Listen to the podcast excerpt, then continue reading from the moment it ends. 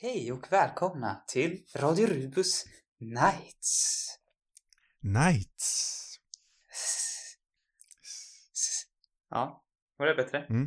Ja, jag kanske ska klippa in alla de här försöken i slutet. Ja, eller i början. Nej. Eller börja. Okej, ja. Ja, men... eh, in- Ska jag introducera avsnittet? Nej, jag kan inte det, kanske. Ja, du brukar ju aldrig vilja introducera saker. Du får gärna introducera om du vill. Ehm, jag vet inte, brukar du, du kanske säger viktiga grejer och sådär. Jag säger nog bara... Nej, kör du. It's all yours, man. Okej. Okej då. Som ni hör från min eh, kära poddkollega Sam så är det här ett till avsnitt av Radio Rubus Nights. Och eh, den här veckan så ska vi göra en till lista, precis som förra veckan. Töntigt. Och eh, töntigt, precis. Men vi är ju töntar. Mm. Eh, vi har ju även tänkt vara så töntiga att vi hoppar med det som alla andra gör. Det är ju dags för ett nytt tiotal och då är det ju lika så dags att avrunda det gamla. Så vi tänkte ju prata om våra mest minnesvärda filmer från 10-talet. Alltså 2010 till 2020. Vi ska prata om filmerna som har lämnat starkast intryck på oss helt enkelt.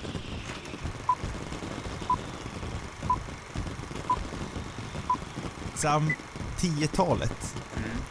har ju varit ett spännande årtionde för oss. För det var ju ganska på pricken det här årtiondet vi verkligen gav oss in i filmfantasternas fantastiska värld.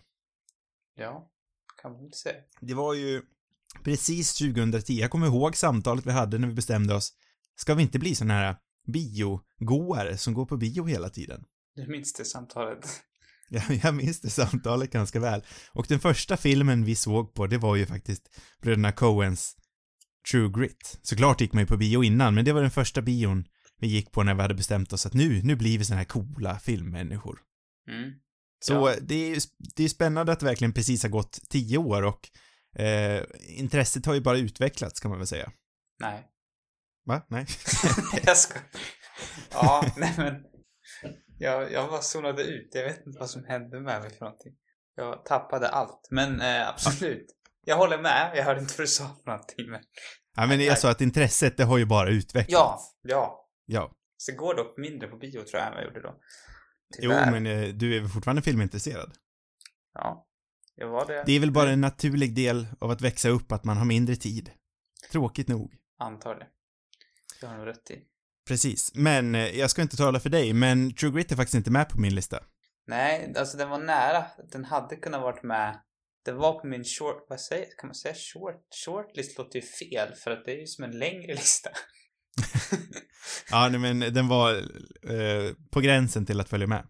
Ja, jag slängde ihop en sån här 30, en lista med 30 filmer ungefär. Mm. Ehm, som var så här, ja, de är kanske med. Där var den nästan med. Jag vet inte om den är med på 30 mest minnesvärda, men jag var lite sugen. Um, jag har ju inte heller, jag vet inte om vi har missförstått varandra den här veckan också, men uh, jag har inte valt liksom, eller jag har gått efter de mest, de, det kan vara de bästa tio filmerna. Um, men jag har liksom inte valt de tio bästa, vad nu det skulle vara, utan mer de 10 som på något sätt lämnat mest avtryck kanske. Sen Mm. skulle nog flera av dem hamna på min topp 10-lista också, men det, det känns mer, jag kände mer press liksom över att behöva så här, sätta någon sorts bästa lista. Det kändes tråkigt. Ja, nej, för mig, om jag får tala för min del, så går ju minnesvärda och, och bästa lite hand i hand. Så det här är ju min bästa, men det är också min mest minnesvärda.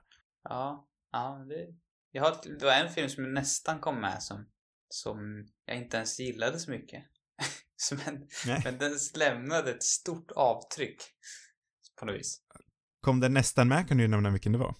Ja, jag var sugen på att ta med den. Det var den här Amour av Haneke. Mm. Ja, jag övervägde den jag med. Det var... Jag, jag kanske skulle älska den nu, det vet jag inte, men jag tyckte inte den var superbra. Jag tyckte den var rätt seg, men den var... Den var...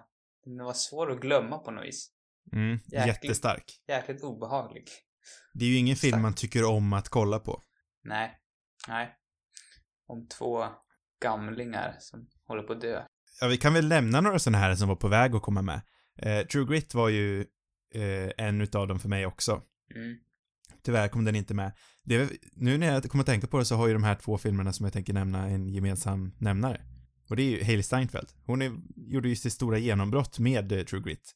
Och den andra filmen jag tänkte ha med är ju en eh, eh, liten, eh, liten dra dramadi, en dramakomedi eh, som heter The Edge of Seventeen. Eller Edge of Seventeen heter den nog bara. Mhm. Spännande. Men den kommer inte heller Med, med. eh, nej, den kom tyvärr inte med, men det var, det var den sista jag tog bort. Mm.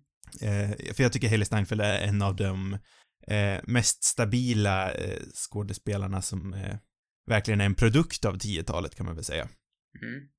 Eh, men supercharmig liten komedi och den har även en regi- en regissör, eh, Kelly Fremont Craig tror jag hon heter, som eh, säkert kommer fortsätta göra sin röst hörd i framtida filmer. Jaha. Supermysig liten komedi som jag kan rekommendera starkt. Mm. Har du några andra filmer som du bara skulle vilja nämna som inte kom med på listan? Jag vet inte om jag vill nämna dem nu, men de kanske kommer liksom smyga in dem under resan, kan jag tänka mig. Eller på slutet eventuellt.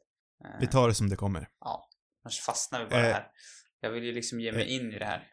Exakt. Vi ska ju nämna det också att eh, den här listan är ju ur inbördes ordning, utan, ur inbördes ordning. Utan, vad säger man? Kanske. Säger man Utan. utan? kanske? Tror man Ni säger förstår. utan. Utan inbördes ordning. Ja. Eh, ja. Så det, det är liksom, den sista filmen vi nämner är inte den mest minnesvärda. Nej, vill du börja eller ska jag börja? jag vill liksom inte hamna i det här läget att behöva vara här sist. sist helt enkelt. jag tar den pressen, börja. börja du. Ja, eh, mitt första val blir, det är svårt det här, många, eh, jag har liksom försökt att undvika att ta flera filmer från samma regissör. Mm. Eh, ibland har jag varit sugen. Eh, Wes Anderson som är en av mina absoluta favoriter har, har ju ja, ett antal, eller egentligen är det väl två filmer jag verkligen gillar från 2010-talet. Men det, det var inte lätt att välja. Eh, men det slutade ändå på, på Moonrise Kingdom. Eh, Ja, såklart. Wes Anderson, det förstår jag blev ett, ett svårt val för dig. Ja, det var kämpigt. Men eh, jag vet inte vilken som är mest minnet. För jag har också tänkt lite, många av mina filmer är också på något vis minnesvärda bioupplevelser. Mm. Och egentligen så tror jag många av dem liksom eh, grundar sig, eller kanske i början när vi började gå på bio tillsammans, så tror jag många av dem är liksom mer minnesvärda besöken var. Så det kanske, kanske blir fokus på tidigt 2010-tal. Nej, jag vet inte. Ja, för mig blir det det, men det är också det, vi borde säga det också att Moonrise Kingdom kom ut 2012. Mm. Eh, för mig känns det ju mycket så att man har ju hunnit bearbeta de filmerna. De har ju varit med nu i, ja men, sju till tio år. Ja, det är Såklart att de, man har ju liksom kunnat utveckla vad man själv tycker om dem mycket, mycket mer än en film som kom ut i år till exempel. Så på det viset är det ju rätt dumt, den här trenden med att eh, bestämma 10-talets filmer nu. Men vi, ja. Det är, Det är ja, det, men det är svårt liksom att, att på något sätt se det med, med rätt ögon när det är så pass nyligen släppta film. Ja, för jag övervägde några 2019-filmer men jag tänkte, ah, är det verkligen en av de bästa? Det är, ja, det är svårt att säga. Ändå tycker jag att när man kollar eh, de listor jag har sett så känns det som att, som att mm, kanske inte alla, jag, vet jag har inte kollat på så många listor, men de jag har kollat på så känns det som att, som att många har glömt bort de här filmerna som kom tidigt 2000-tal. Ehm, eller säg 2000-tal, 2010-tal. Mm. Ehm, så det blir kanske en, jag vet inte hur, hur, vad, vad din uppfattning är men Jag har faktiskt inte kollat på så många. Nej, det Listor, är ännu alltså. bättre. Ja. Det, det känns som vi, vi men det var vi behövdes en liten förklaring här kanske. Till Ja. liksom grundläggande, men det vart ändå Moonrise Kingdom för mig. Ja, Uh, jättebra film. det första mötet med Wes Anderson faktiskt. Mm, för mig med. Ehm, det var sommar kommer jag ihåg, precis som filmen. Otroligt mysig film. Med, uh, jag tror, han heter Sam också. Roligt nog. Ja, just det. Ja. huvudkaraktären. Och han är nog en av mina favoritkaraktärer genom alla Wes Anderson-filmer. Han är ju väldigt mysig.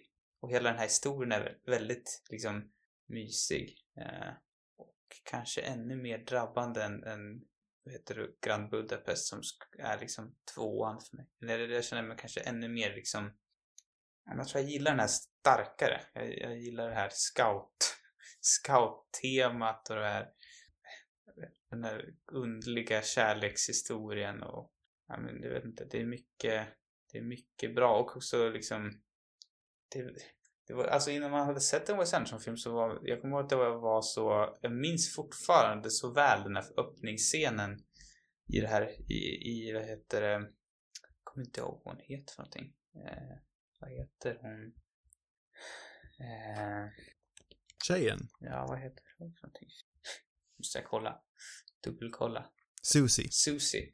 Eh, men minns öppningsscenen som var i hennes hus. Eh, och eh, liksom hur kameran så här åkte typ fram och tillbaka och så här mm. rörde sig på ett, och när, vi, när jag såg den här första gången så var jag bara oj, wow, man kan liksom reagerade verkligen på, på Andersons visuella stil liksom och hur det var filmat och um, så, så det är liksom verkligen ett starkt minne så.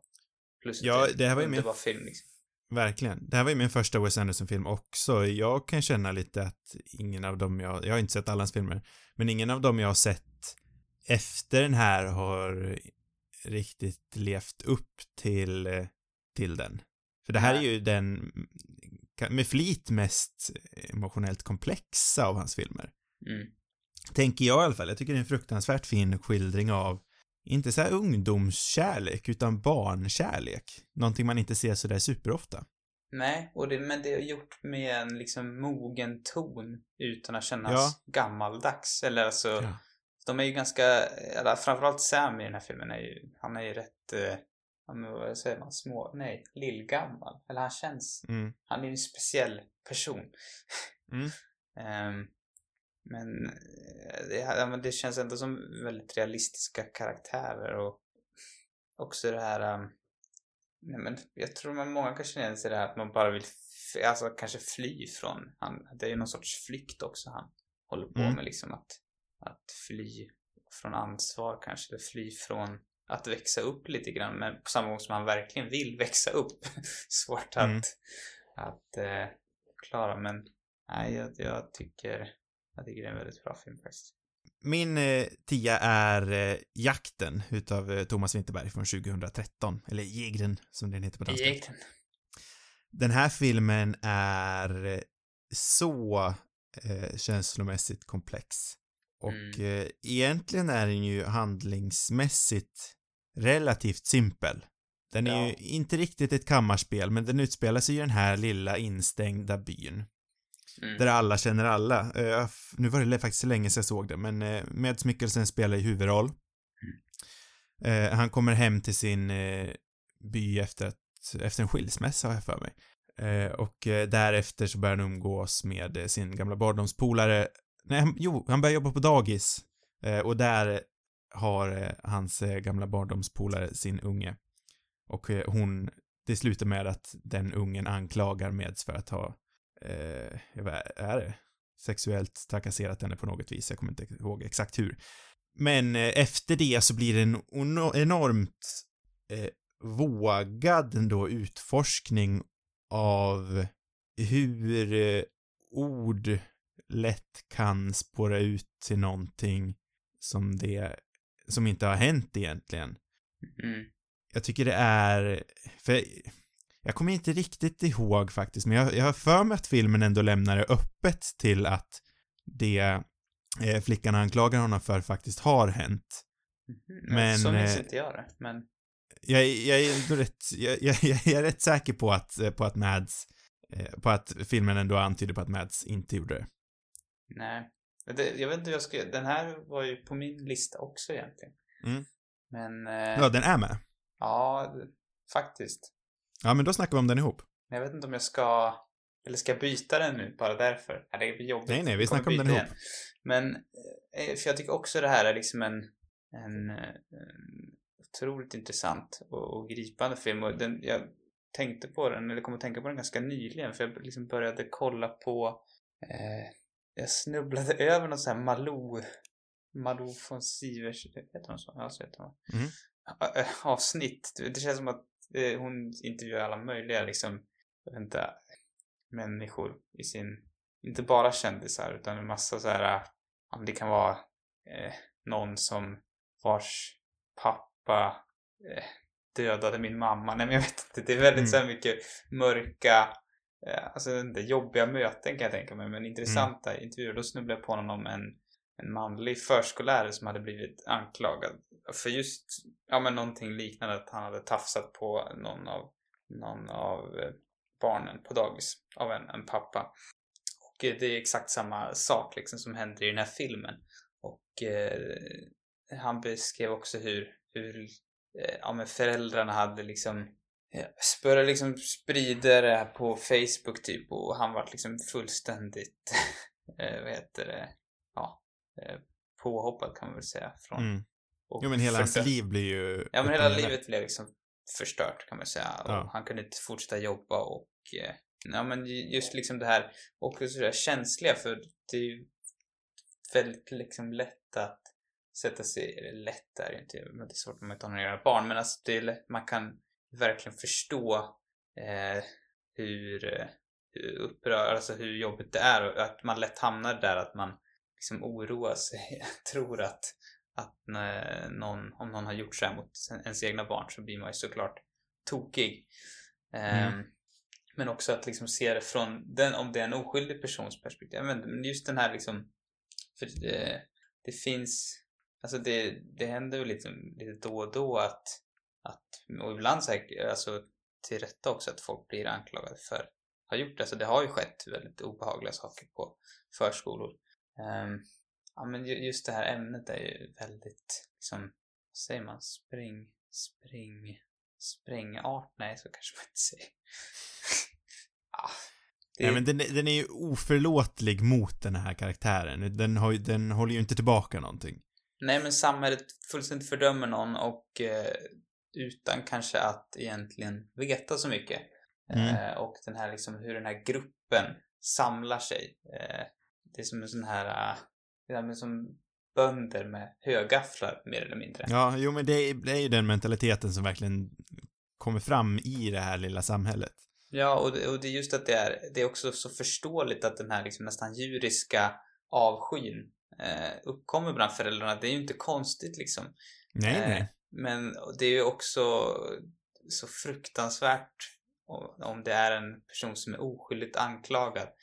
Och också när det är ett liksom barn, barn kan ju ha väldigt livlig fantasi och ibland säger de, äh, talar de sanning och ibland har de liksom fantiserat ihop någonting bara. Men hur, eh, ja men vad det liksom kan leda till ändå. Det är ju ett Mm. väldigt intressant ämne som, som den här filmen eh, ja, undersöker. Och den gör ju dessutom med en enorm skicklighet också. Mm. Ehm, Och Thomas Winterberg är ju så jäkla bra. Ja, nej, men han har, han har verkligen lyckats liksom, ja, göra en eh, väldigt spännande film. Eller ja, intressant. Ja, han är en av de bästa scenerna från det senaste årtiondet tycker jag är när den utspelar en kyrka i den här filmen. Mm. Eh, som normalt sett liksom ska vara en väldigt öppen lokal där alla är välkomna, men när Mad sitter där inne, man riktigt, man har den här fina barnkören i bakgrunden. Det är superbra kontrast med det här öppna, öppna lokalen, men han känner sig ändå så utstängd. Han har alla blickar på sig. Mm. Superbra film. Mm. Eh, ja, den hade vi båda valt. Eh, då vet jag inte, hur gör vi? Då blir det din film igen, eller hur gör vi nu? Ja, nästa film kanske du också har. Jag vet inte. Vi, det, det, ja, vi får nog göra så. Det känns som att det kan, kan finnas någon mer film som, som vi delar. Ja, säkert. Ehm, Men vad säger vi, ska jag, ska du välja eller ska jag välja? ja, vi kan göra som du vill. Om du vill Ja, välja. men välj du. Det, det är så säkert som du säger att vi har nog en. Min nästa film är i alla fall Whiplash. Har du den Ja. på din lista? Den har jag inte på min lista faktiskt. Spännande. Ehm, Men den hade kunnat varit där. den hade kunnat vara där. Det, kän, det känns som att den kom ganska nyligen. 2013 vill jag säga va?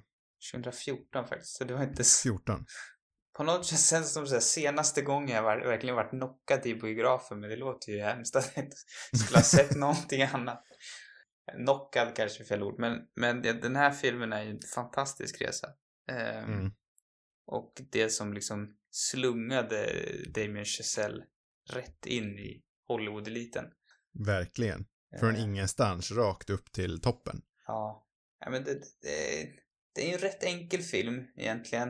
Eh, men så här grundämnet om, om eh, att bli liksom duktig på någonting, sin grej och framgång eh, i kopplat till personliga relation, relationer tycker jag är, är liksom enkelt men väldigt intressant.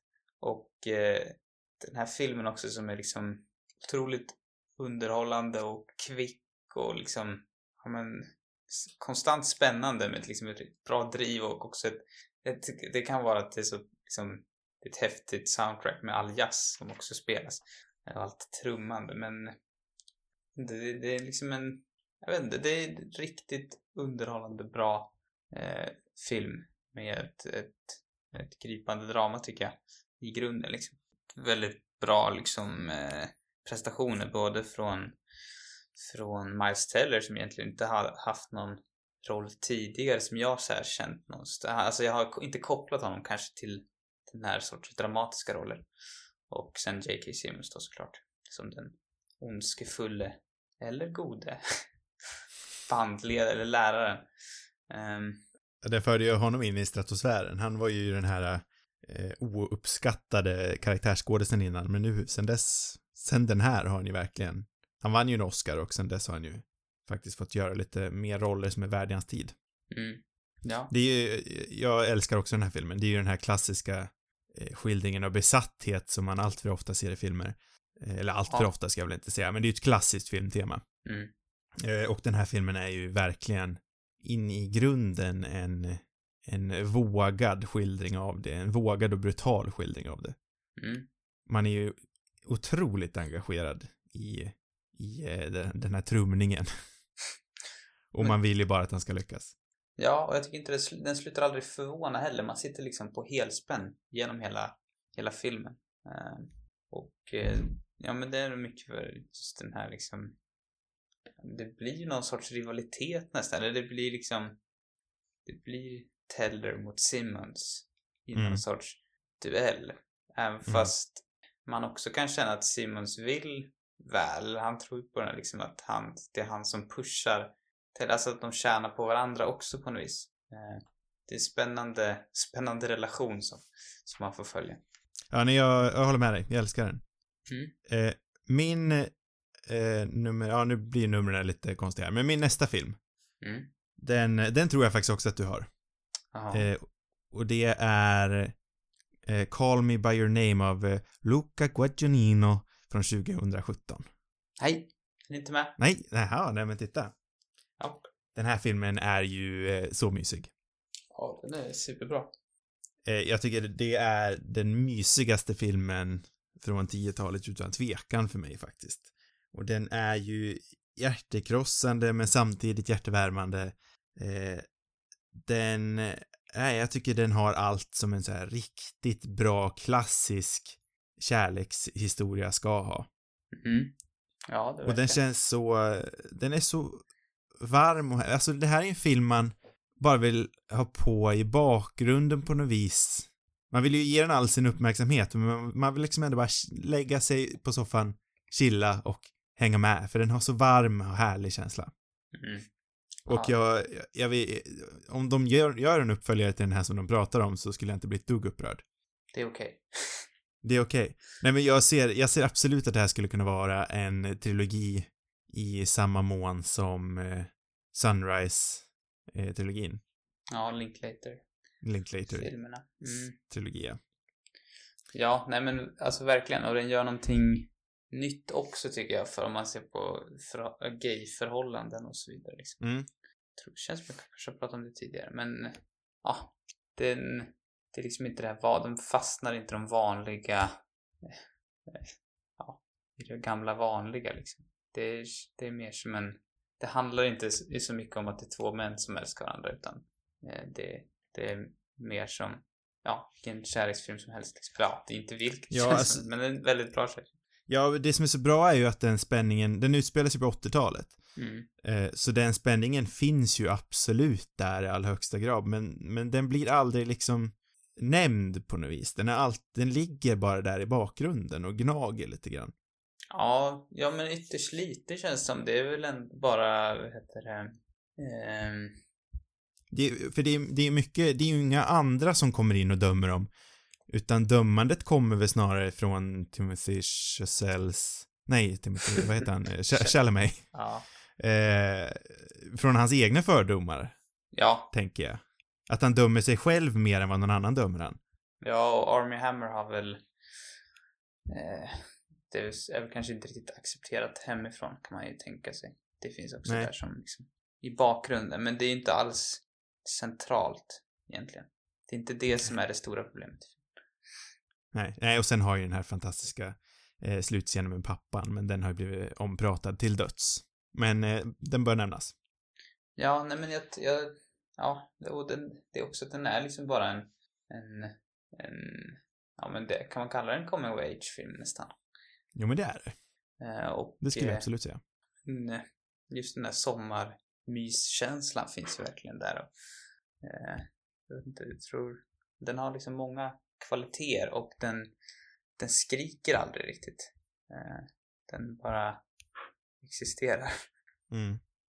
Ja, men det, det var väl uttryckt, väl uttryckt, tycker jag. Att den Mm. bara existerar. För det bidrar lite till den här, liksom bara lägga sig på soffan och chilla stämningen jag pratade om. Den, den existerar, det är en skildring av en ganska händlös, det händer inte så mycket den där sommaren, samtidigt som det ändå händer väldigt mycket i deras huvuden. Mm. Är nästa film. Min nästa film Ja. Mm, vilken ska jag ta då? Svårt. Ehm, jag tar nog eh, Take Shelter. Mm. Eh, Inte på min lista, men Yes! det är så här tävling nu, försöka, försöka få in. Den kommer ju också från 2011 kommer den från. ehm, mm. Men också från början. Nu började kolla liksom bio och sådär. Det går mycket på Ja, bio. en av de här liksom första små filmerna som kanske inte riktigt skrivs som i, i Aftonbladet, om man säger så. Nej. Som man nästan fick söka fram. Den kom ju hit ett år efter den kom i USA, om jag minns rätt. Mm. Ja, men en amerikansk indiefilm helt enkelt. Mm. Liten, ganska liten film. Ehm, jag vet, alltså jag har inte sett om den sedan dess, men om det är liksom någon film som jag ändå... Men jag ska försöka säga, komma på ett tips till någon eh, på en film som kanske inte, men som inte någon har sett liksom, eller som Mm. kanske inte så många har hört talas om så är, så är ändå den eh, som ofta kommer, som jag kommer att tänka på. Och eh, jag vet- jag tyckte den var liksom på något vis eh, men har den något starka spår om, ja men det han- just handlar om den här Michael Shannons karaktär som plågas av någon sorts, man vet inte riktigt om han, det är liksom vanföreställningar eller om det är verklighet. Det är väldigt sådär otydligt vad som händer och vad som inte händer. Eh, även om vissa grejer kanske är, ja jag vet inte, men det, det, han börjar liksom bygga sitt, sitt eh, skydds, skyddsrum för att Mm. han tror att det ska komma en apokalyptisk undergång. Eh, och den, är, den var ju väldigt obehaglig som jag minns det. Eh, och Mm. väldigt spännande och också att den just spelar på det här ehm, att man aldrig som, som tittare riktigt vet vad som är sant och inte sant. Det, det tyckte jag Mm. var väldigt spännande liksom. Och eh, Jeff Nyker som har gjort, gjort den har också gjort, ja men, han gjorde ju även Mud till exempel som också har ett liksom starkt minne av som bara kom året efter. Ja, ja men verkligen en av de starkaste indie-rösterna. Ja, Med Michael Shannon och Jessica Chastain som otroligt starka huvudroller. mm, det också. Så, ja men det, det är en riktigt bra, tight eh, psykologisk thriller och eh, jag tror det var någonstans kring den här tiden som jag verkligen började få upp ögonen för den typen av filmer för att Mm. det, är liksom, om jag ska liksom så här välja några av mina favoritgenrer så är nog just lite så här småskaliga psykologiska thrillers bland det bästa jag vet. Jag, jag skulle nästan vilja, jag kände det varit en snygg segway, så jag skulle vilja prata om min nästa. Mm. Eh, för det är, eh, jag tror vi satte oss lite i två olika läger 2011. Mm. Du var ganska tydligt i Take Shelter-lägret och jag satte mig otroligt starkt i eh, mitt Martha Marcy May Marlene-läger. regisserad av Sean Durkin, som sagt också för 2011. Eh, också en psykologisk thriller om, det är en utforskning av trauma helt enkelt. Eh, och hon har också lite så här, hon, den handlar om Mar eh, Martha, eller Marcy May, eller Marlene, vad man nu vill kalla henne för. Eh, jag kommer nog säga Martha för enkelhetens skull. Eh, som efter filmens gång får man veta att hon har fastnat i en sekt. Mm. Eh, den är ju berättad ur ordning, men det börjar med att hon lämnar den här sekten, så blir hon upphämtad av hennes syster och hennes man, och sen flashar vi tillbaka till eh, tiden i sekten hela tiden. Och eh, vi får följa hennes vanföreställningar om, eller vanföreställningar vet jag inte om man kan kalla det för, men vi, hon tror alltid att hon är förföljd av den här sekten. Och att de är på väg för att hämta henne tillbaka. Eh, och jag tycker det är ju ändå en rätt, eh, jag tycker det är en spännande liknelse till Take Shelter. Mm. För minns jag det rätt så var ju det din favoritfilm det året och det här var min favoritfilm det året. Båda Ah, två kom ju som sagt... inte, alltså jag vet egentligen inte om, kanske nu, ja. Nej, Jag vet inte om det var min favoritfilm, men, men den satte liksom ett väldigt så här, starkt avtryck och det tycker jag egentligen eh, Martha Marcy Marine också gjorde. Jag vet inte om jag Mm. så här, just då tror jag inte att jag tyckte att Take Shelter var bättre, men, men eh, Nej, ser jag fel. eh, man ska lita på mina IMD, IMDB-betyg så tycker jag tvärtom faktiskt. Men, Ja, ja, då minns jag helt fel. men jag tror Eh. att Take Shelter har liksom någonting om man just fokuserar på minnesvärt så har jag nog, kommer jag nog ihåg liksom mer av den filmen. Jag har liksom starkare eh, och det kanske är någon, en film som jag liksom fallit tillbaka mer till. Eh, som Mm. liksom inspirerande eller så.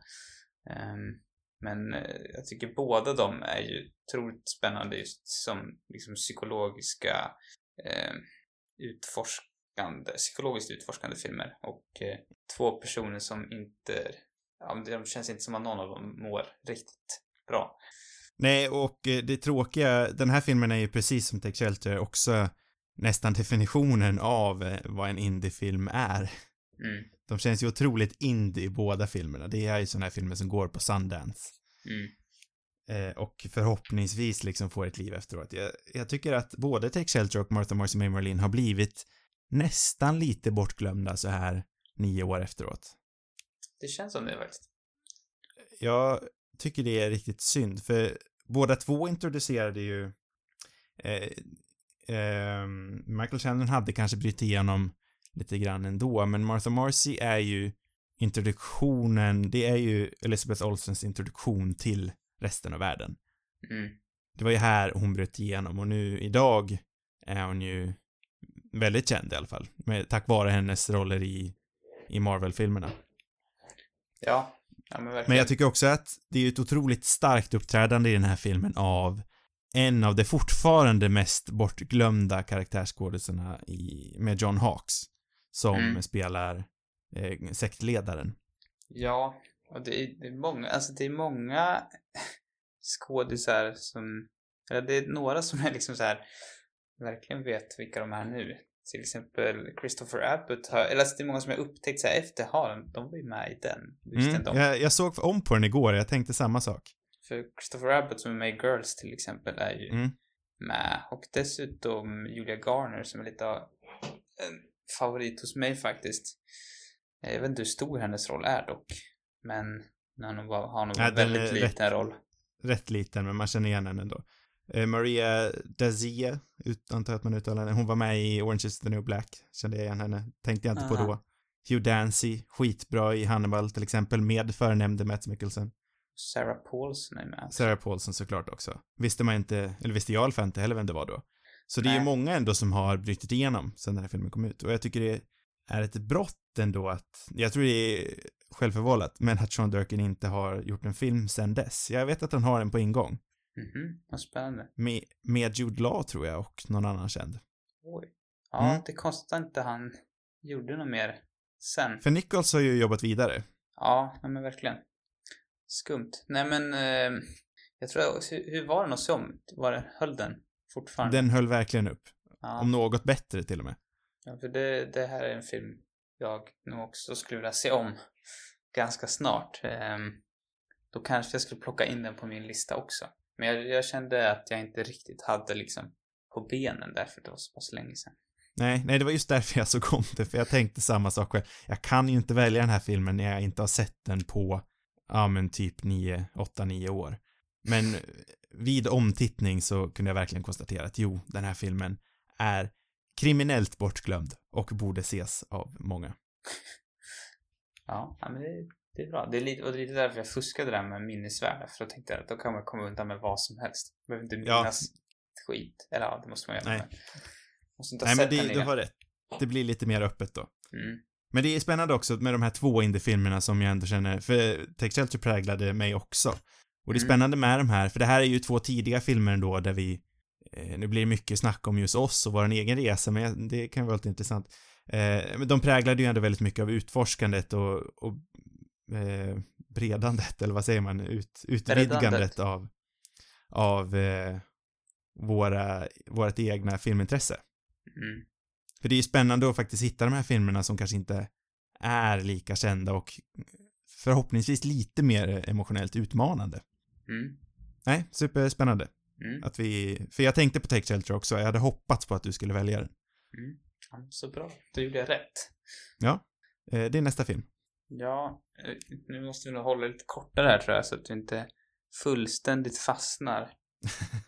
Ehm, så då tar jag Django som min nästa film, för den pratar jag nog alldeles för ofta om kanske, men definitivt en favorit. Vad är, är, är det din, har du bestämt dig att det är din favorit Tarantino-film eller? Mm, jag har favorit kanske, men det är inte den bästa tycker jag. Nej. Den kom ut Rent 2012, för övrigt. Nej men eh, den, jag tycker nog Inglourious Basterds kanske är den bästa filmen liksom. Men, Mm. men, eh, ja, eh, Django är nog ändå favoriten på något vis. Vad nu, vad nu det betyder.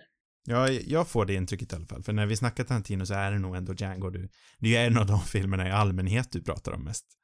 Ja men den är så cool tycker jag. Och den är, eh, eh, jag vet inte. Kanske den, eh, jag vet inte varför jag fastnar på den.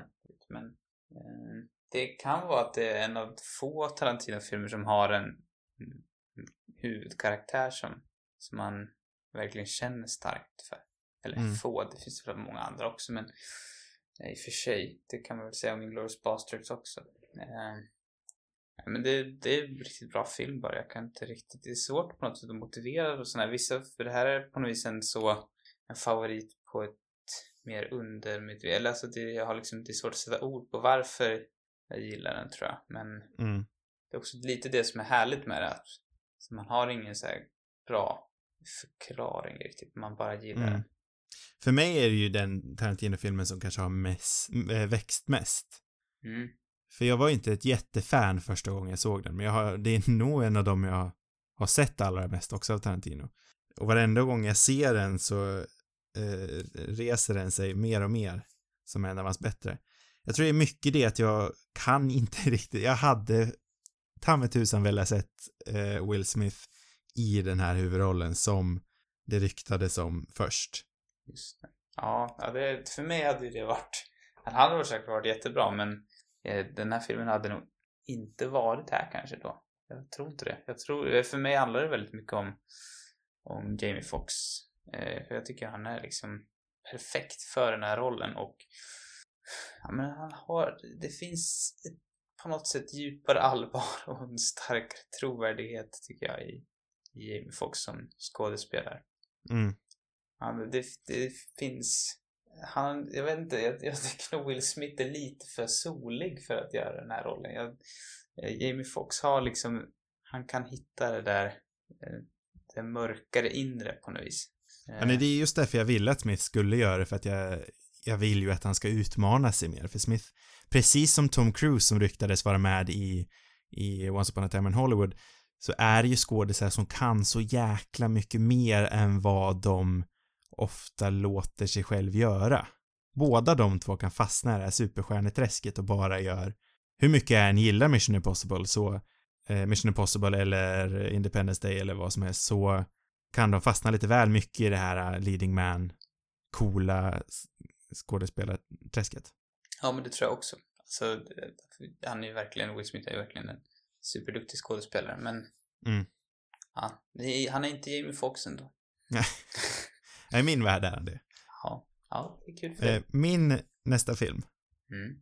är en film som det är, eh, finns en möjlighet att den är på din också. Mm.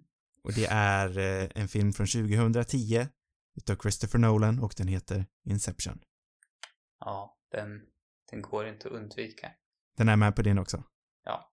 Ah, jag misstänkte det. Det här är ju möjligtvis...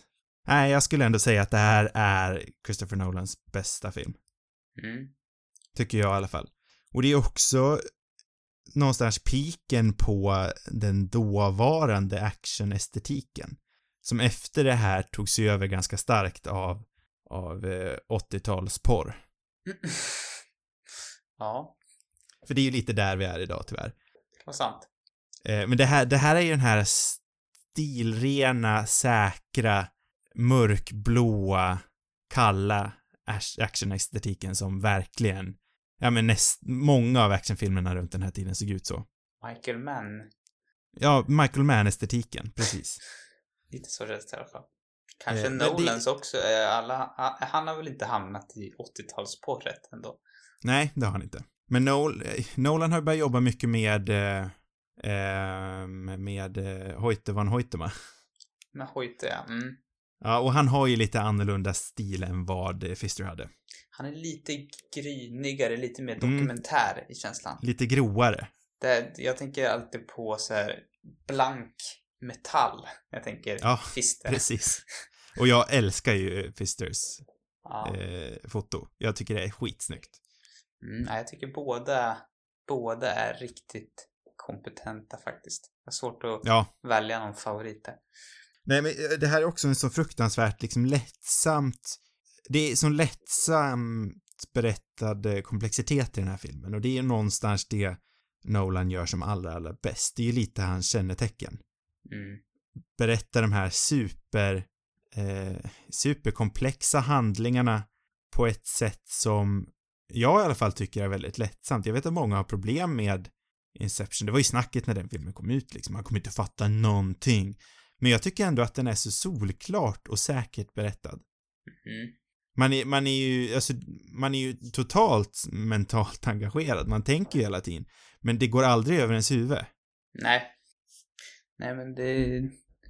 Den är liksom enkel men ändå komplex. Alltså fast till, lagom komplex. Man kan... Man är också uppmuntrad till att se, se om den tycker jag på något vis. Men, men det är ju också bara otroligt bra underhållning tycker jag. Det är som Mm. en Bondfilm blandat med science fiction. Eh, och den har också det där som jag verkligen gillar och det är den här känslan av att den mm, ja, men det är nästan, alltså det är verkligt nästan på något vis. Alltså det är en science Mm. fiction film men det är nästan så att det skulle kunna vara verkligt just för att det handlar bara om drömmar allting hela tiden. Eh, även om det i sig, ja, det är ju inte verkligt men men eh, ja, det är någonting med det där som jag tyckte var väldigt coolt. Eh, där kan Ja. man återkoppla till varför jag gillade Take Shelter också, att det hela tiden är eh, den här kopplingen till det är någonting psykologiskt bara, eller vad man ska säga.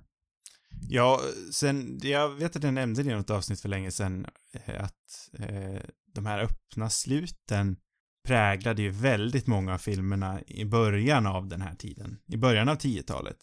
Mm. Då du och jag kom in i filmen liksom, då, jag tror att vi har blivit rätt påverkade av det båda två. Jag älskar ett öppet slut. Mm, ja, men det gör jag också. Och det var väl nog egentligen kanske den här Inception alltså som verkligen satte det på kartan. Mm, kanske. Jag vet. I alla Ja, fall eh, vet i det stora hela, alltså i det stora hela för den stora allmänheten. Ja, kanske Jag vet inte. Känns inte som det. Sen, Men. sen så har den också ett eh, fantastiskt, eh, en fantastisk huvud, huvudrollstolkning av DiCaprio. Som är en av de här skådisarna, han är inte en av de här skådisarna jag pratade om innan, som Cruise och eh, Smith. Utan han är en leading man som fortfarande tar på sig så komplexa och vågade och skilda, otroligt eh, skilda eh, huvudroller. Eller rolltolkningar. Ja, jo, verkligen. Och det, men även om det här inte är hans kanske mest spännande, men den, den här är också bra. Eh, Mm. absolut. Han är ju också o... Så kollar man på ännu filmer som kommer ännu senare så, så känns han... Eh, men han är på något sätt o... Han kan liksom så här smutsa ner sig rätt rejält. På ett sätt som det inte känns som att Tom Cruise skulle göra. Jag menar, Nej, han- inte något mer. jag menar, nej, nej, han gjorde det i och för sig tidigare. Mm. Det har du rätt i. Men man har svårt att se Tom Cruise i, ja men till exempel DiCaprios roll i, i Django eller i eh, Wolf on Wall Street eller ja, alla möjliga roller alltså. Som han gjort på senare tid. Då, Ja, nej, jag håller med dig. då känns den här rollen nästan ovågad. Men det... men, Ja, nästa, men det är... Vi pratade om det, det här har vi också pratat om i vårt Nolan-avsnitt, men folk som säger att den här filmen inte är känslosam tycker jag i alla fall har helt fel. ja, Det verkligen. här är ju Nolans mest eh, känslosamma film. Mm, ja, det, kan- det, det kan jag hålla med om faktiskt. Men vi kanske ska rulla vidare. Ja, nu måste vi Eh, rulla vidare. Jag har ju valt två filmer som du också har valt. Hur många? Vi måste jämna ut det här på något vis. Jag, eh, nu har jag gjort fem kan man säga. Jag har gjort en, två, tre, fyra har jag Nej, gjort. sex menar jag. Sex har, har det blivit. Jag har bara gjort fyra. Ta en till du då. Skynda dig. jag borde ju ta en film till på en gång eftersom du har gjort eh, sex och jag har gjort fyra stycken. Mm. Ehm, då eh, hoppar vi fram sju år då och rör oss till år 2017. Också ett land som eh, har eh, eh, verkligen eh, lyst starkt på den filmiska världskartan de senaste tio åren och det är ju Sydkorea och eh, Bon Jong-Ho med, eller Bon Joon-Ho säger man kanske, med hans film Okja. Mm. Jag eh, älskade Okja. Det är också en film som eh, eh, visar den, väldigt spännande trenden med streamingfilmerna och visar ju Netflix uppgång och hur vågade de är med det de satsar på. Mm. Den här filmen är ju superkonstig. Ja, den är konstig. Det är en film om en eh, genetiskt modifierad griselefant som går bärsärk genom, jag vet inte vilken stad där gator, sen New Yorks gator och ja, det är E.T. med en stor griselefant typ. Mm. Och jag älskar den och den är jättekonstig och det är Jake Gyllenhaals eh, kanske mest bisarra rolltolkning någonsin. Ja, men eh, riktigt bra.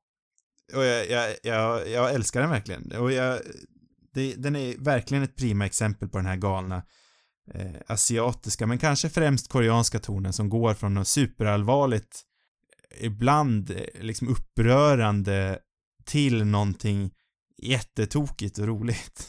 Det är en film som verkligen inte håller tillbaka någonting när den dessutom pratar liksom den talar ju för tiden väldigt mycket med det här medvetna liksom dialogen den har med sin publik om medvetet jordbruk eller boskapsskötsel eller vad man ska kalla det för.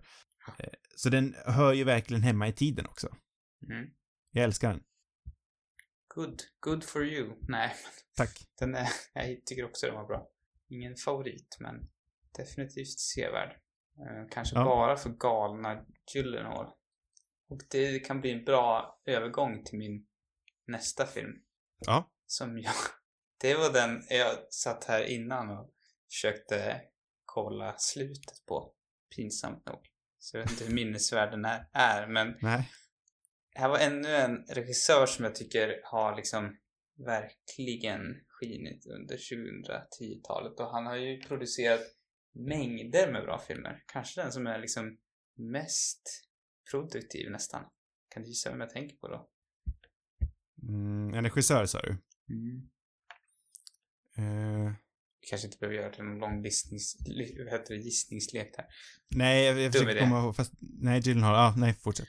Denis Villeneuve tänkte jag på i alla fall. Ah, såklart. Jag tänkte ju på eh, Tree of Life, eh, vad heter han? Ah, Regissören, men jag, jag kom på att Gyllenhaal har inte varit med i någon av hans filmer. jag har inte sett någon av hans filmer från 2010-talet heller så det hade Nej. varit dumt. Ehm, nej men, och det var ett svårt val, men det föll på Prisoners till slut. Ehm, Ja. Som, som, jag tyckte, var- som jag tycker kanske är hans bästa. Jag vet inte vilken som är hans bästa. Ehm, men den, det... Från 2013. Ja, Eh, just det, det ska man också säga kanske. 2013. I alla fall en otroligt, en, ännu en thriller. Um, som är otroligt spännande och obehaglig. Och uh, som vänder lite grann på liksom det vanliga obehagliga. För det är inte bara det att man är rädd för, för den här, jag, jag kanske ska ta, jag vet inte handling kort också men det är väl om Hugh, Hugh Jackman som spelar den des, den desperata fadern vars dotter försvinner eller blir kidnappad. Mm. Och eh, det är hans eh, desperata kamp för att hitta henne. Eh, men det jag tänkte säga var just att den, den vänder på, det är inte bara det att man är rädd för den här kidnapparen eh, utan man blir också sakta men säkert rätt rädd för vad Hugh Jackman ska utsätta sina eh, misstänkta kidnappare för. Eh, när han ja, till slut väljer att låsa in en av de misstänkta i någon, något gammalt hus typ där han ja, försöker misshandla fram någon sorts eh, ja, någon sorts svar på hans problem.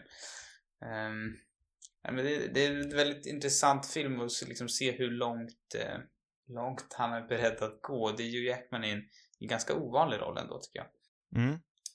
Um, och sen så har vi ju Jake Gyllenhaals poliskaraktär, det är där han kommer in också. Ja, också, också här har vi ju en till eh, actionstjärna som man vill ska göra mer emotionellt komplexa roller. Här har vi till exempel på Hugh Jackman som man vill ska göra mer såna här Mm. Det här, roller. för mig, kanske hans bästa. Men sen det är också ett tecken på liksom Villeneuves känsla just, liksom hans stilsäkra känsla. Eh, som Blade Runner tycker jag också är fantastisk och Sicario var också en otrolig upplevelse. Han har Arrival, jag menar han har liksom producerat mängder av bra filmer. Eh, Ja, i en oförskämd takt egentligen. Det är som du säger, han har gjort jättemycket de här tio åren. mm. Ja men det, i alla fall, det här är en, en, en väldigt bra film tycker jag. Ja, nej, jag håller med dig. Jag övervägde faktiskt inte den här alls. Men eh, nu när du säger det så, den är ju super, super bra. Mm. Verkligen. Eh, min eh, nästa film. Mm. Det kan ju bli eh, en eh, svensk film faktiskt. Den enda svenska filmen på listan. Mm. Eh, och den eh, kommer från 2014 och är regisserad av eh, den ibland lite kontroversiella Ruben Östlund. Och det är ju såklart hans internationella genombrott Turist. Yes. Eller Force Majeure som den heter. Mm. I eh, internationella sfärer. Mm. Har du valt den? Hej. Nej. Eh, nej, jag tycker att den här filmen är eh, briljant. Den är så fruktansvärt tonsäker och eh, den är nästan eh, Kubrick-aktig i, ja men i tonen som nämnt. Hur den går från de här superallvarliga grejerna till någon slags bizarr vändning. Det påminner väldigt mycket om Kubricks eh, tonsättning. Mm. Man är ju lika delar obekväm som underhållen. Man, man skrattar lika mycket som man är obekväm. Eh, men jag kanske borde säga det också att det är ju Ruben Östlunds eh, utforskning av eh, maskulinitet egentligen. Den handlar om en pappa som, eh, ja, de är på semester i fjällen och när en lavin faller ner för berget och hotar att, att begrava hans familj så väljer han att springa därifrån istället för att ta med dem. Ett koncept som han lyckas göra superroligt samtidigt som det är så dramatiskt som det låter. Mm. Ja, det, Och den utforskar, utforskar som sagt den här klassiska mansrollen, vad är det att vara en man? Och utmanar den totalt. Och slutet är så underbart. Mm. Jag älskar den. Ja, men det, är, det är en grym film. Jag tycker också den Mm. är, är, är väldigt intressant och underhållande faktiskt. Jag, jag tycker att det är, jag, jag tyckte verkligen om The Square också, men jag tycker att det är hans bästa. Nu har jag inte sett hans tidigare filmer faktiskt, men Det känns mer, liksom, om man ska kritisera The Square på något vis så är det att jag kan känna att den är lite, eh, ja men mer fragmentarisk eller på något vis. Det är nästan som att, jag, jag minns Turist mer som en helhet på något vis. Jag tycker att han, Mm. han lyckas eh, knyta ihop det bättre. Eller det känns som en mer, liksom, komplett historia. Eller film. ja, den är mer enhetlig på något. Ja, The Square är lite plottrig, eller den är lite... Den har några riktigt bra scener, men jag tycker kanske inte riktigt att han lyckas knyta ihop allt. Så här. Nej. Jag vet inte. Eh, turist känns, känns som att den säger någonting mer på. Mm.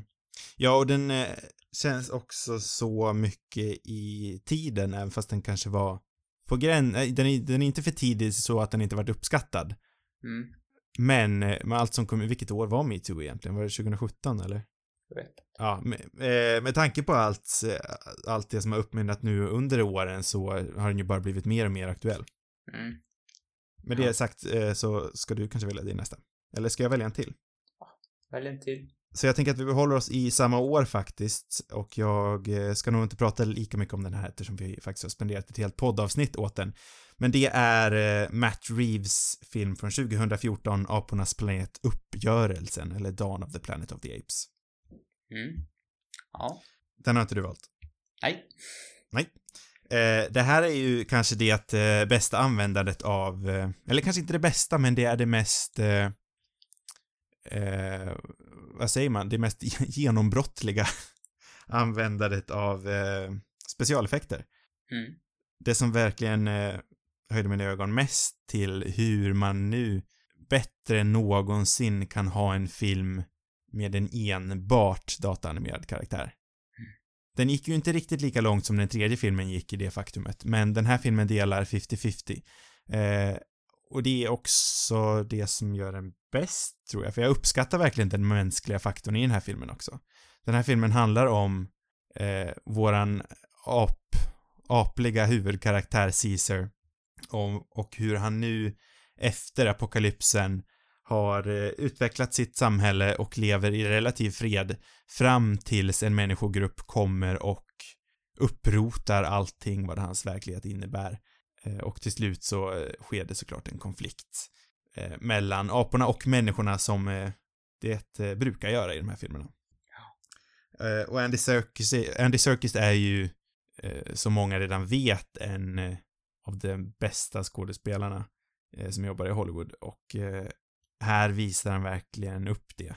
Jag tycker den här filmen är, för att vara en sommarblockbuster så är den här så storslagen, jag kommer säga komplex en gång till, jag tror jag har sagt det tio gånger i det här avsnittet. Eh, men den är också balanserad i, i hur den fördelat upp det mänskliga med det apliga.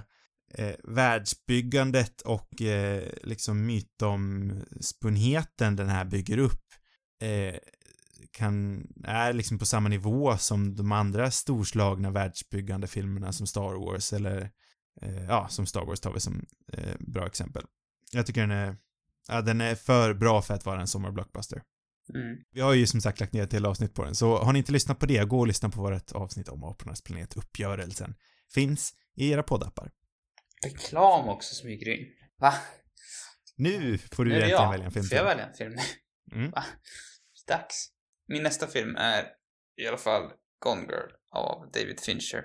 Ännu en regissör som är så här svårt att välja vilka, eh, vilken film man ska sätta in på den här listan.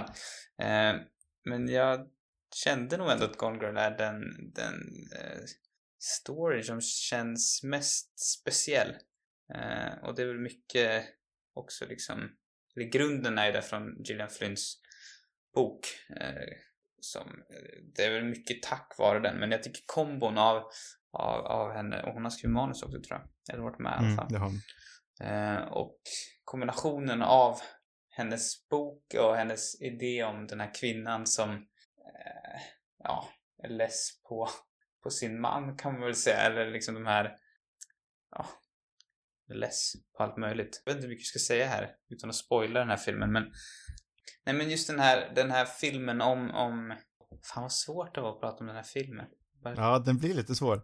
Ja men det just handlar om, om, om den här kvinnans försvinnande som spelas av Rosamund Pike och den, hennes man Ben Affleck som eh, kanske inte är den, liksom beter sig helt normalt när, när hans fru försvinner. Om Eh, det nu går att bete sig normalt. Är Ja, i och för sig, men han, han beter sig på ett väldigt oroväckande vis.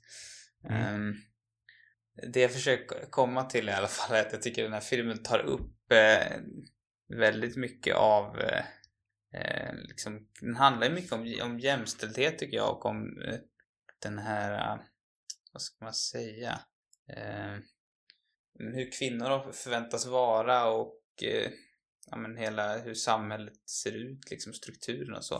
På samma gång som det är en, en väldigt eh, spännande thriller, ett spännande mysterie.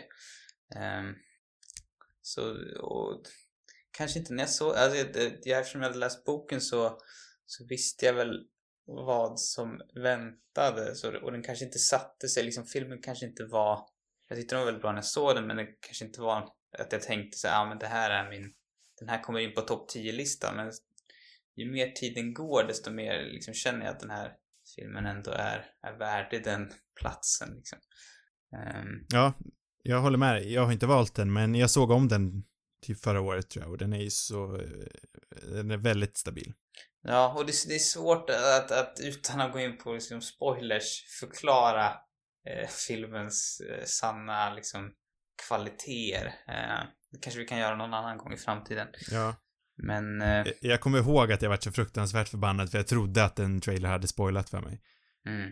Det visade sig att fallet inte var så, men ändå. Ja. Nej, vi kan gå vidare, men en riktig favorit i alla fall. Jag vet att många har valt, jag har inte valt någon Fincher på den här listan faktiskt.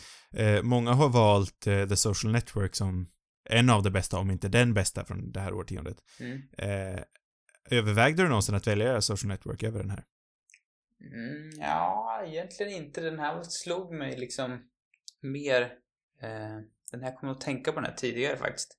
Um, sen tycker jag Social Network är väldigt bra också, men den här är inte lik, den är liksom inte lika... Jag kan mer tydligt se liksom varför jag gillar den här och den, den här tror jag lämnar ett större liksom avtryck på mig så. Mm. Um, ska vi gå vidare? Ja. Min nästa film mm. är, jag, jag, antar att det här kommer bli den mest eh, överraskande på min lista. Och jag tror inte att du har sett den faktiskt. Eh, den kom ut 2013 i Sverige, men eh, 2012 är väl det officiella eh, releaseåret. Den är regisserad av en, eh, återigen en väldigt kontroversiell regissör vid namn eh, Harmony Corinne. Och det är Spring Breakers. Mm. Jag, eh, den här filmen har också på något sätt, jag har aldrig, jag har inte börjat uppskatta den mer, men den har utvecklats i hur jag tolkar den. För jag har väl alltid egentligen varit raka motsatsen till hur, eh, till det ideella, ideal, ideallivet de här karaktärerna lever har jag alltid levt motsatsen till. Mm.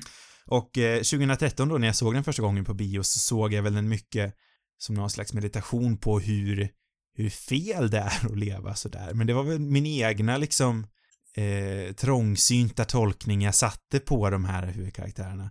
Men när jag nu såg om den för två år sedan eller något sånt så uh, ser den mer som en hyllning till allt det jag inte är. På vilket sätt jag, är de lever fel menar du? Nej men det är, det är ju verkligen så här uh, noll konsekvenstänk festande till hundra procent skiter liksom i morgondagen människor. Mm. Eh, och det har väl jag aldrig riktigt varit. Men när jag nu ser den igen så ser den som en otroligt liksom frigörande tolkning av det och den anammar det verkligen hundra procent och den hyllar de här eh, tjejerna och eh, killen spelade av eh, James Franco samt eh, tjejerna som spelade av eh, eh, Selena Gomez, eh, Ashley Benson och eh, två andra som jag inte kommer på just nu. Eh, och den här filmen är ju liksom, den existerar i ren extas och eufori. Mm. Den är, alltså man går verkligen en mil i andra skor som man brukar säga. Mm. Jag känner att jag lever med de här festande tjejerna och jag, jag lever verkligen livet YOLO, som man säger.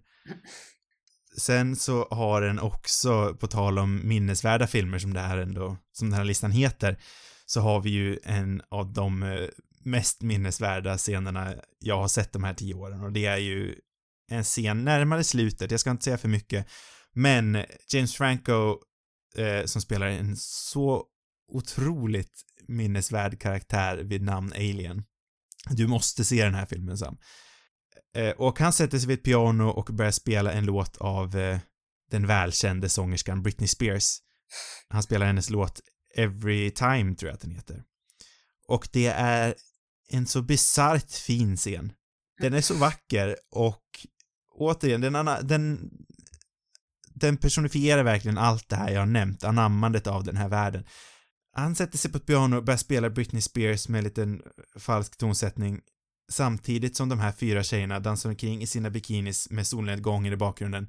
Himlen är rosa, havet, horisonten, allting. Ja men verkligen den mest pittoreska piktoreska bilden du kan föreställa dig. Står de där och dansar omkring med rånarluvor, bikinis och automatvapen upp i luften. Jag tror även att de hoppar ner i poolen vid ett tillfälle. Och det är så fint. Okej. Jag, jag älskar Spring Breakers. Jag tycker den är så jäkla bra. Ja. ja. Jag kan inte säga någonting om den, men eh, det låter spännande. Mest spännande Jag med Franco som spelar Britney Spears på piano, måste jag säga. Jag skulle, nog- jag skulle gå så långt att säga att det här är James Francos bästa eh, rolltolkning någonsin faktiskt. Mm. Och det gör ont i mitt hjärta att jag inte har sett eh, Corins senaste film Beach Bum med Matthew McConaughey. För jag kan verkligen se att han och Corinne går ihop. Ah, just det. Ja, det Och känns verkligen det- samma stil. Ja, Det blir inte ja den känns då. verkligen som en spirituell uppföljare till den här.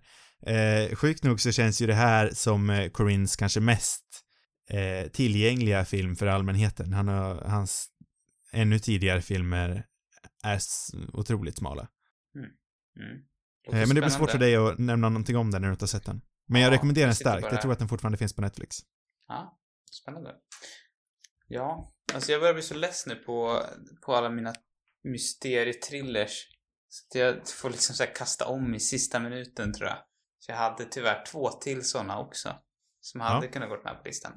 Eh, Vill du nämna dem eller ska vi, ska det förbli osagt? jag kan ta dem på slutet kanske. Ja. Nu tänkte jag kasta in en film som heter Grandma. Eh, Ja, ja. Paul Weitz heter mannen bakom den. Och där dyker ju Julia Garner upp faktiskt. Eh, och då, det är liksom första gången, även om jag såg henne i Martha, Marcy, bla bla bla, så, så var det här första gången jag liksom ja, var medveten om vem det var då, kanske. Och det tycker jag är en, en väldigt, väldigt trevlig liten film. Eh, jag vet inte om du har sett den? Nej, jag har faktiskt inte gjort det. Nej, nej men det handlar ju om en, en ja, hon är, jag vet inte hur gammal hon är men hon blir i alla fall gravid med sitt ex, eller hon är oplanerat gravid kan man väl säga. Och eh, ja, hon tar hjälp av sin eh, rätt så coola mormor tror jag det är. Som spelas av eh, Lille Tomlin. Eh, och oh, jag vet inte vad jag ska säga om den här filmen. men Den, den är bara liksom otroligt trevligt litet drama som lyckas liksom... Men de möts på något vis de här två. Mormorn och, och eh, Julia Garners karaktär och slängde bara in den nu egentligen för att få slut Ja. på första, första bästa dramafilmen på, på den långa listan. Nej, då, nej men jag vet inte vad jag ska motivera den med för men, men eh, man kanske bara Den ser verkligen ut som ett sånt här eh, småskaligt eh, kvalitativt drama som jag pratat om nu. Rätt mycket den här hösten med, eh, ja men med Marriage Story, med eh, Brokeback Mountain och, och eh, Into the Wild till exempel. Ja, nej, Är men, den en roadtrip också? Jag har fått den uppfattningen. nej, nej det är det inte faktiskt. Nej. Är det bara för att det är en bil på framsidan? Ja, de Eller på, åker, eh, i, de åker hennes gamla coola bil. Tomlins. Mm. Tror du hennes riktiga bil kanske? Eller var det någon annans? Det är någons riktiga bil tror jag. Ja, nej, jag vet inte så mycket om den här filmen, men nu när jag sitter och kollar på rollistan så jag älskar ju Lily Tomlin för jag, jag tycker att eh, Grayson Frankie är väldigt bra. Mm. Eh, Marcia Gay Harden är ju skitbra, Judy Greer. Sam Elliott är ju för tusan med. Mm. Åh, herregud. Ja, nej men det, Ja, nej, den verkar spännande. men den är väldigt, det är en väldigt rolig film men det finns också mycket liksom allvar i den. Den, tycker den kombinerar det väldigt snyggt. Ja, en annan film som känns som att den är lite bortglömd, så det är ju kul att du nämner den. Ja, jag vet inte om det nå- någonsin känns som den var jätte... Jag vet inte, jag bara stötte på den och älskade den. Så att, ja. På tal om små filmer som är på väg att bli bortglömda. Mm. Min näst sista film Mm. är Mission Impossible Rogue Nation från 2015. Och den är regisserad av Christopher McQuarrie. Den var oväntad. Mm. Det här är ju min absoluta favorit renodlade actionfilm från det här eh, årtiondet. Eh, det är ju Christopher McQuarries eh, till synes första inhopp in i Mission Impossible-världen Men eh, som det har uppdadgats eh, i senare dagar att han även eh, skrev en stor del av den fjärde Mission Impossible-filmen som är mångas favorit. Mm. Men jag, jag tycker att den här är så, som grand. Den, den är förhållandevis småskalig om man jämför med de andra. Den har inte någon sån här gigantisk actionscen uppe på Burj Khalifa till exempel, eller att han hoppar ner för, för, för från, nästan till från rymden. Det, det Tom Cruise här gör här, som var liksom mest omtalade var ju att han red vid sidan av ett flygplan och att han höll andan i fyra minuter. Just det. Jag tänkte just säga så den, den låter nästan taskigt nu att det så här, kommer inte ihåg någonting från den här filmen nästan. Men, Nej men för jag tycker inte att den, eh, den, den fokar inte på det lika mycket och jag, jag uppskattar verkligen det. den andra var den dock mer stor- minnesvärd tycker jag. Den som kom innan.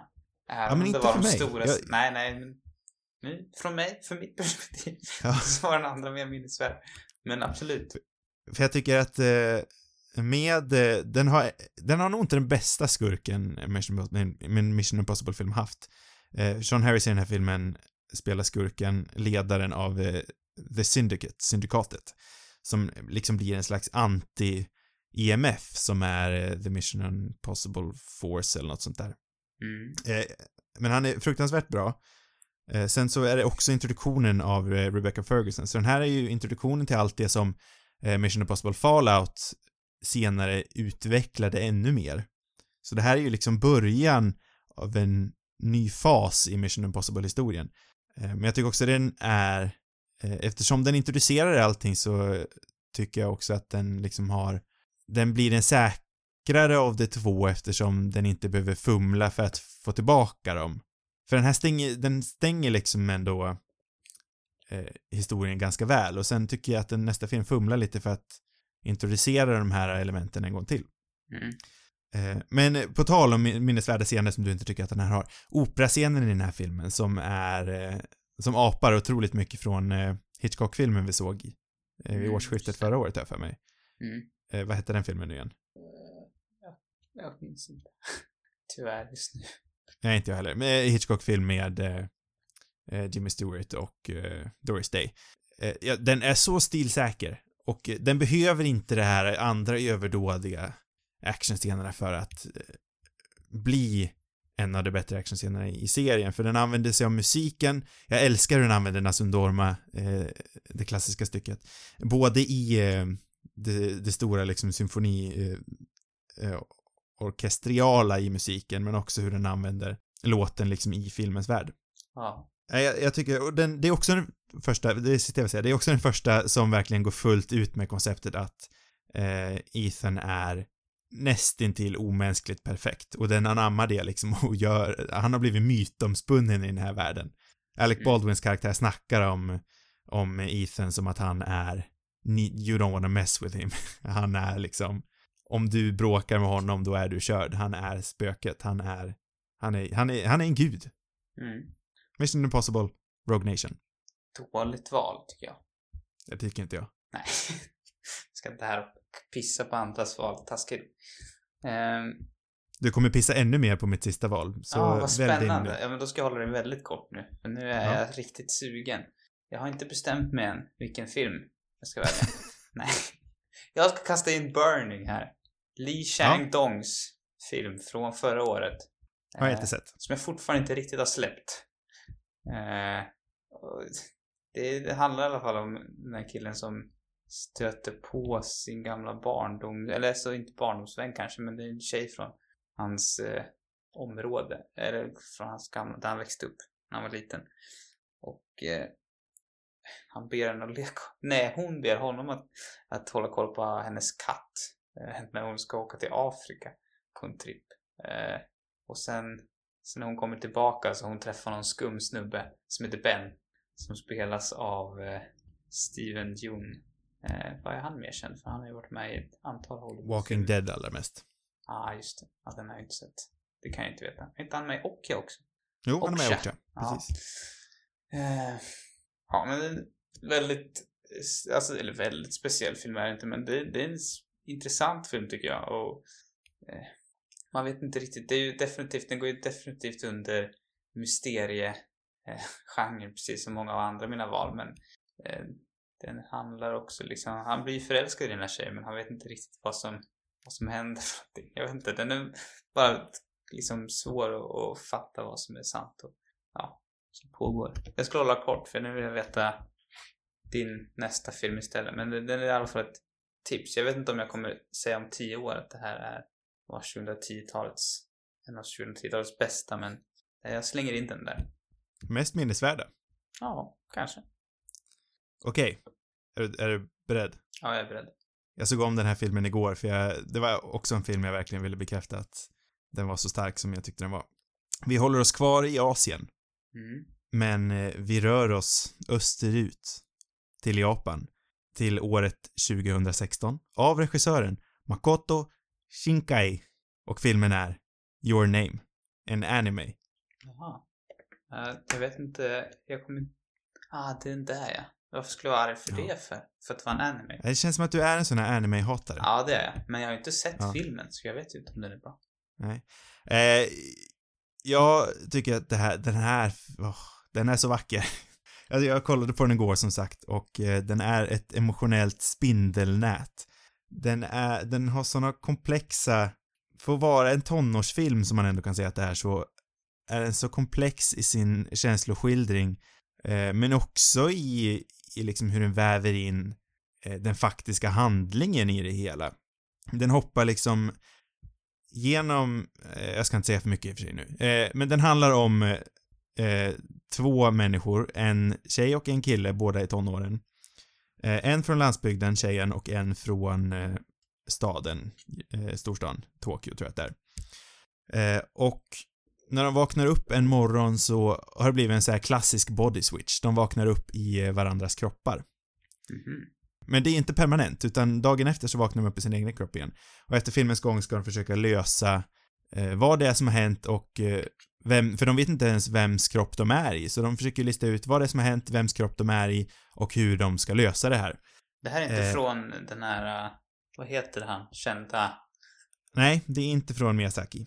Nej, just Så heter han. Jag är väldigt dålig överhuvudtaget på Ja, jag, jag är inte heller en anime-expert, men eh, jag kan uppskatta en bra anime om jag, om jag hittar den. Jag har aldrig sett något, tror jag. Eh, men den här, har du inte ens sett Spirited Away? Nej. Nej, nej, nej. nej. Jag avstår helst om det. Nej då, jag vet inte. Det har bara aldrig kommit mig för. Det är en jävla tröskel att sätta på en animefilm, om jag ska vara ärlig. Utöver det så är den här filmen så jäkla vacker.